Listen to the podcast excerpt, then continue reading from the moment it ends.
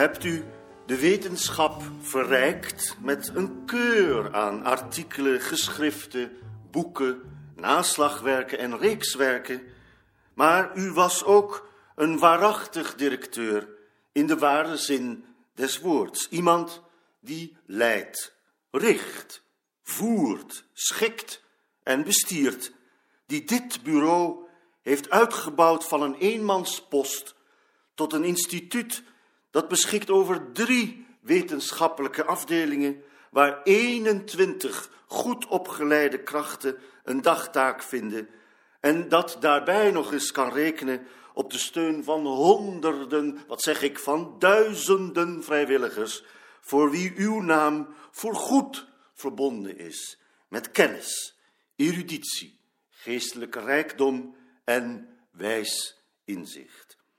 Dat is uw en alleen uw grote verdienste. Wij zijn u daar zeer dankbaar voor en we hebben aan deze dankbaarheid uitdrukking willen geven met een geschenk, waarvan wij weten dat wij u er een groot plezier mee doen, de volledige uitvoering van de Naardense Matthäus Passion onder leiding van dokter Anton van der Horst. Daar ben ik heel blij mee. Daar had ik niet op durven hopen. En nu is het woord aan mevrouw dokter Haan. Beste Anton, wij kennen elkaar al zo lang. Deze maand juist 25 jaar. Al zul jij je dat wel niet zo gerealiseerd hebben. Dat het mij wel vergund zal zijn je wat huiselijker toe te spreken dan Jaap Balk dat zojuist gedaan heeft. Toen ik je voor het eerst ontmoette, als jong studente, kon ik niet vermoeden wat een belangrijke plaats jij in mijn leven zou gaan innemen. En nu ik op die periode terugkijk, kan ik me dat leven niet meer zonder jou voorstellen. Je hebt me de liefde voor dit werk bijgebracht, dat jouw levenswerk, maar ook het mijne is geworden. En je hebt me geleerd hoe ontzettend belangrijk het is wat eenvoudige mensen ons te vertellen hebben. Daar ben ik je dankbaar voor. En daarvoor zal ik je dankbaar blijven. Want het heeft mijn leven verrijkt. Zoals het ook jouw leven verrijkt heeft. En ik beschouw het als een groot voorrecht dat te kunnen zeggen. Daarbij ben ik me natuurlijk heel goed bewust dat we ook vaak meningsverschillen hebben gehad. En ik kan me voorstellen dat ik het je niet altijd gemakkelijk heb gemaakt. Als dat zo is, laat het dan een troost zijn te weten dat ik deze meningsverschillen, die altijd gingen over een verschil van inzicht over de beste aanpak van wetenschappelijke problemen, altijd verschrikkelijk stimulerend heb gevonden. En dat ze me heel vaak de juiste weg hebben gewezen uit al die wegen die zich aan ons voordoen.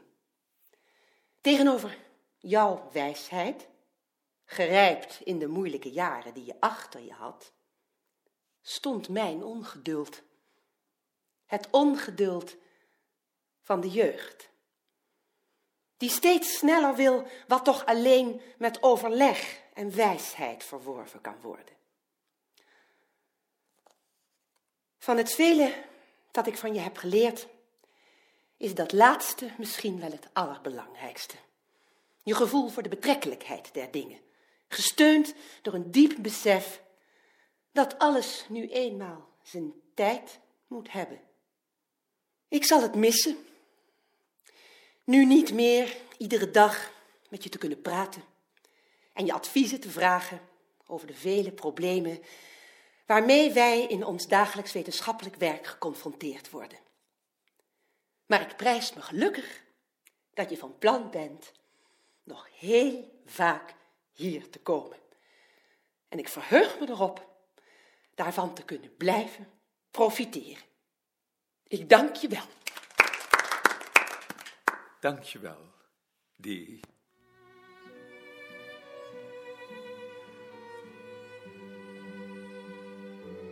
Zullen we nou niet eerst een kopje koffie drinken?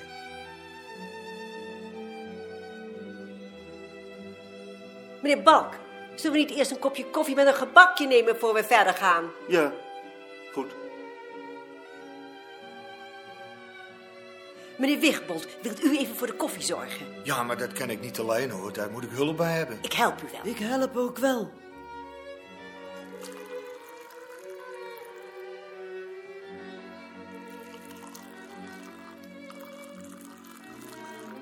Hoe gaat het nu met je?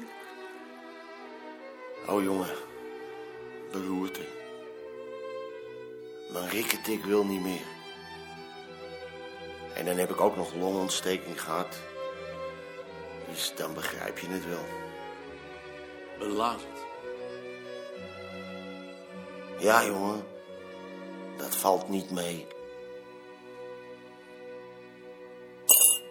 En dan vraag ik nu aandacht voor de heer Asjes. Ja, meneer Beerta.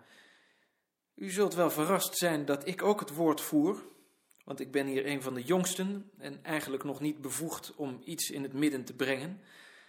Maar ik wilde toch niet de gelegenheid voorbij laten gaan om uiting te geven aan mijn dankbaarheid en aan mijn bewondering. Ik ben u dankbaar omdat u mij hier hebt willen aanstellen en ik beschouw het als een voorrecht hier te mogen werken in een traditie die door u is opgebouwd. U kunt ervan verzekerd zijn dat ik mijn uiterste best zal doen om het vertrouwen dat u in mij gesteld hebt niet te beschamen. Uw werk zal voor mij altijd een richtsnoer blijven. Als ik eraan toevoeg dat ik u bewonder, dan is dat natuurlijk in de eerste plaats om uw wetenschappelijke verdiensten, maar dat hebben anderen voor mij al beter en met meer recht van spreken onder woorden gebracht. Daarbij bewonder ik u ook om uw ongehuwde staat.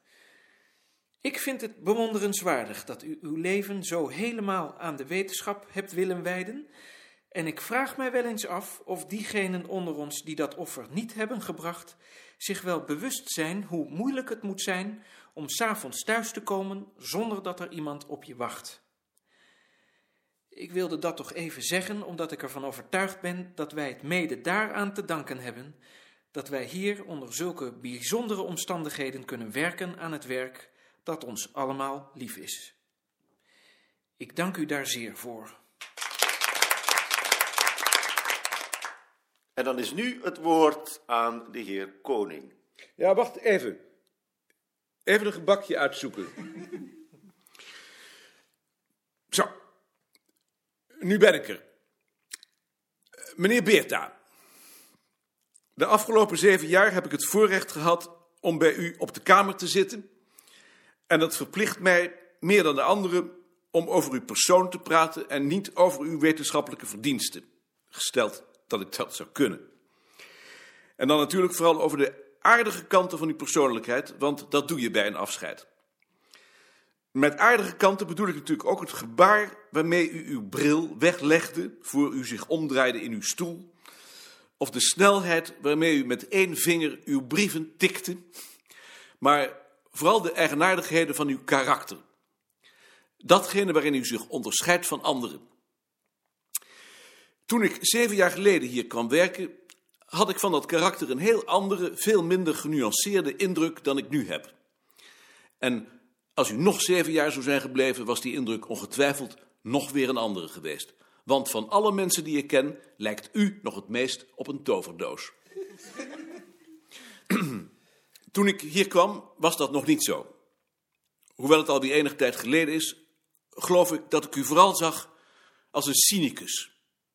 Een speler. Iemand die de hele wereld en ook de wetenschap aan zijn laars lapt. En lak heeft aan wat anderen daarvan denken. Nu ik u beter heb leren kennen, weet ik dat niets minder waar is. Dat u het leven in tegendeel heel ernstig neemt, zo ernstig dat u terugschrikt voor de verantwoordelijkheden die dat met zich meebrengt en het liefst blijft twijfelen nadat anderen hun conclusies al getrokken hebben. Ik geef daarvan drie voorbeelden. Eén op het terrein van het geloof, één op dat van de politiek en één op dat van de wetenschap. Wat het geloof betreft, U maakt er geen geheim van dat u lidmaat bent van de Nederlands Hervormde Kerk.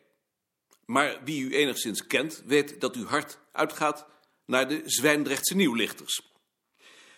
Het is een publiek geheim dat u lid bent van de Partij van Arbeid, maar u stemt PSP, zoals u mij wel eens hebt toevertrouwd.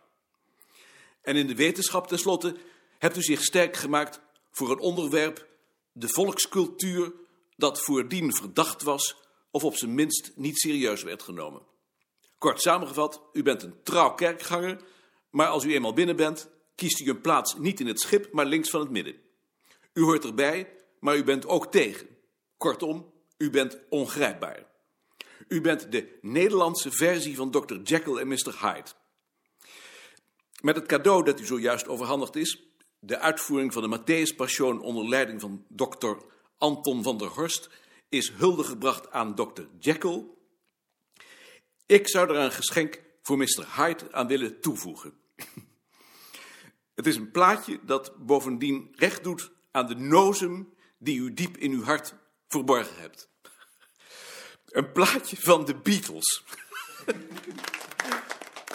Dankjewel. It's been a hard day's night, and I've been working like a dog.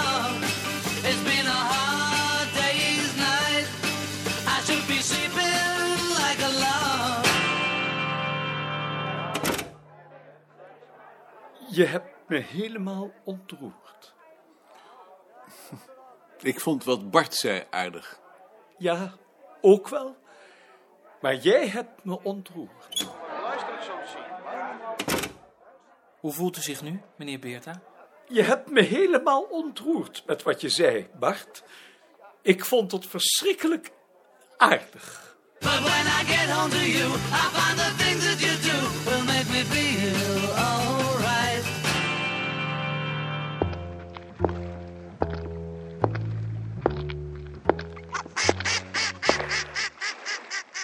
Ze zijn er niet meer.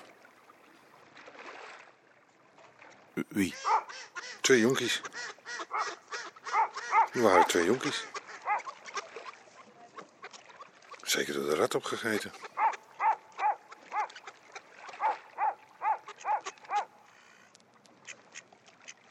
Het stikt hier van de ratten.